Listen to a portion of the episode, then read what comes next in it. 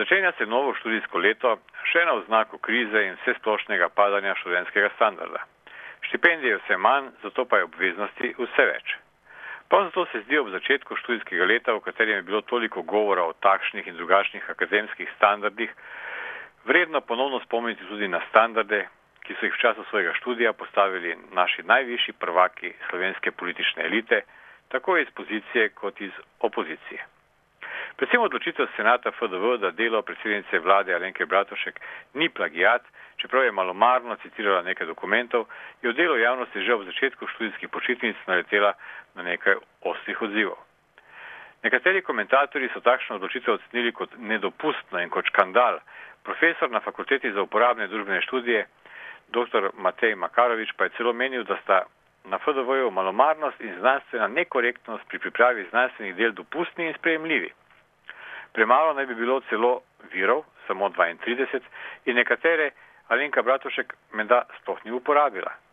Dr. Frane Adam je celo menil, da je naloga zelo površna, terminološko in konceptualno neizdelana ter metodološko neustrezna, ker avtorica ne loči med intervjujem in anketnim vprašalnikom, kljub temu pa tudi Frane Adam ni dejal, da je prepričan, da gre za plagijat. Še bolj zajedljivi so bili v SDS, kjer so kot odgovor na vprašanje, kako je Bratuškova prepričala senat, pripeli povezavo do posnetka, na katerem Bratuškova poje pesem Bandera Rosa v izvedbi skupine Zakonišče prepeva. Težava omenjene kritike odločitve senata FDV je samo ena. Če bi držala, potem bi moral senat FDV zaradi zelo podobnih napak in malomarnosti odzeti diplomo tudi prejšnjemu predsedniku vlade in predsedniku SDS Janezu, Janezu Ivanu Janši in še marsikomu. In to še veliko bolj upravičeno kot Bratuškovi. Bratuškova je v magisteriju res navedla samo 32 del, Janševa diploma pa jih ima še manj, samo pet. Bratuškova je res prepisovala dokumente, pri katerih je sama sodelovala kot avtorica. Janša pa je v svoji diplomski nalogi pozabil citirati avtorje del, katerih avtor sploh ni bil. Nekdani predsednik vlade si je namreč opisal svoje diplome, v kateri je poveličeval enostrankarski politični sistem, zelo rad posojal misli marksističnih avtorjev in to brez navedbe virov. Tako je Janšova naloga še bolj sporna od naloge Bratuškove in še zmeraj je dostopna v knjižnici na FDV, kjer si jo lahko Janševe veličastne umotvore prebere vsak. Janševa diploma je tudi drugače zelo zanimivo štivo.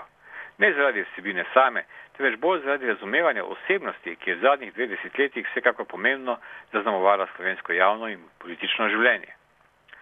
Janša je namreč svojo politično kariero zgradil na antikomunistični retoriki, vendar nam vsebina njegove diplomske naloge z naslovom Obrambno samozaščitna funkcija v načrtih družbenega razvoja republike, s katero je diplomiral na nekdanjem FSPN-ju, razkriva radikalnega marksista, ki zagovarja najbolj rigidne komunistične flokskule. Diploma, ki jo je sestavil Ivan Janša, absolvent smeri splošne ljudske obrambe, pod mentorstvom generalmajorja ter izrednega profesorja Milovana Zorca, se začne s poznanjem, da se v socialističnem samopravljanju z načrtovanjem ureja vsebina, oblika in obseg družbene reprodukcije. Sledi Janšni citat Edvarda Kardelja, glavnega slovenskega ideologa iz tistega časa. In tako naprej vse do konca. Več kot tri četrtine 72 strani dolge Janšine diplome predstavljajo povzetki ustave, zakonov, družbenih dogovorov, referatov in biltenov. Knjig je le pet predvsem manj, kot jih je potrebnih za poprečen visokošolski izpit.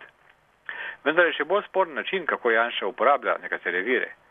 V svoji diplomi namreč večkrat uporabi kot vir knjigo Slavka Soršaka in Jožeta Smrekarja z naslovom Delovanje družbeno-političnega sistema in družbeno-ekonomskega sistema v neposrednji vojni nevarnosti. Vendar Janša pri prepisovanju njunih stavkov sploh ne zapiše, da gre za povzemanje tujih navedb. Janša tako na 48. strani naloge trdi, da morajo vsi prostorski načrti in prostorski izvedbeni akti vsebovati rešitve, ukrepe in naloge, ki se nanašajo na urejanje in pripravo prostora za potrebe SLO in DS. Skoraj popolnoma identičen stavek sta zapisala v svoji knjigi tudi Slavko Soršak in Jože Smrekar. To se ponovi večkrat. Janša oba avtorja sicer bežno omeni in jo navede tudi na koncu med literaturo, tudi na mestih, kjer je prepisoval Janša Vira, ni opremil za, znamkom, da gre za citate. Tudi Janševa schema načrtovanja splošne ljudske obrambe na 18. strani diplome je pravzaprav enaka kot schema v knjigi Osnove rukovođenja in komandovanja avtorjev Tankosiča in Vukadinoviča. Kljub temu pa Janša trdi, da je schema le deloma povzeta po navedeni knjigi. Janša na to še povsem pripiše 4,7 poglavje družbenega eh, plana SRS za obdobje 1981-85, ne da bi sploh navedel svoj vir. Vendar Janševa diploma ni zanimiva zgolj zaradi prepisovanja, pač pa tudi zaradi skrajno zagrizene obrambe pridobitev socializma. Janša v nalogi opisuje idealno družbeno organizacijo, ki ne bi bila učinkovita v odporu proti prihodnjemu zunanjemu sovražniku. To pa je družba, kjer je vsak državljan vojak, ker gradijo le manjše sosedske z nizkimi stavbami, brez dvigal in skupnega ogrevanja, kjer uspeva gospodarstvo, ki se opira predvsem na domače znanje in izogiba nevarnim tujim licencam.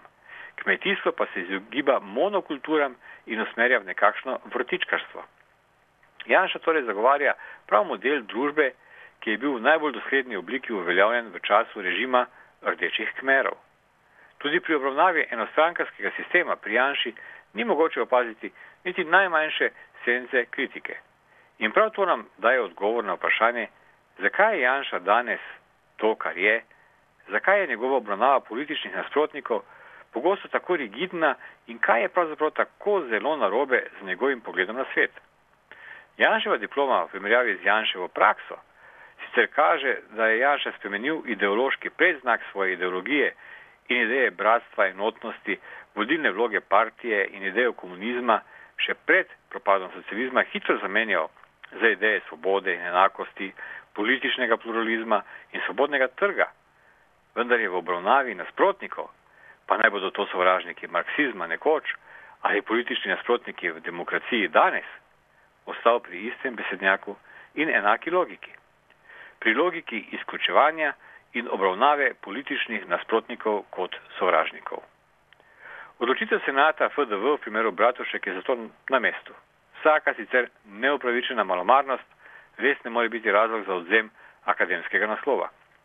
Iz zornega kota državljanov pa se seveda zastavlja še vprašanje, ali je za državo bolje, da jo vodi pri izdelavi diplome malomaren in v ideološkem pogledu rigiden, diplomiran obramboslovec, ki je v svojem delu mlatil komunistično slamo in se je vodenja države priučil šele po spolno na oblast, ali pa pri pisanju magisterije ja, malomarna magistra znanosti, ki je prepisovala samo sebe in se je s financami ukvarjala vse življenje.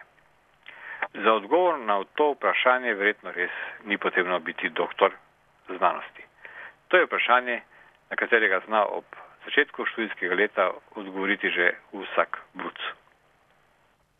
Terminal pripravil Igor Mekina.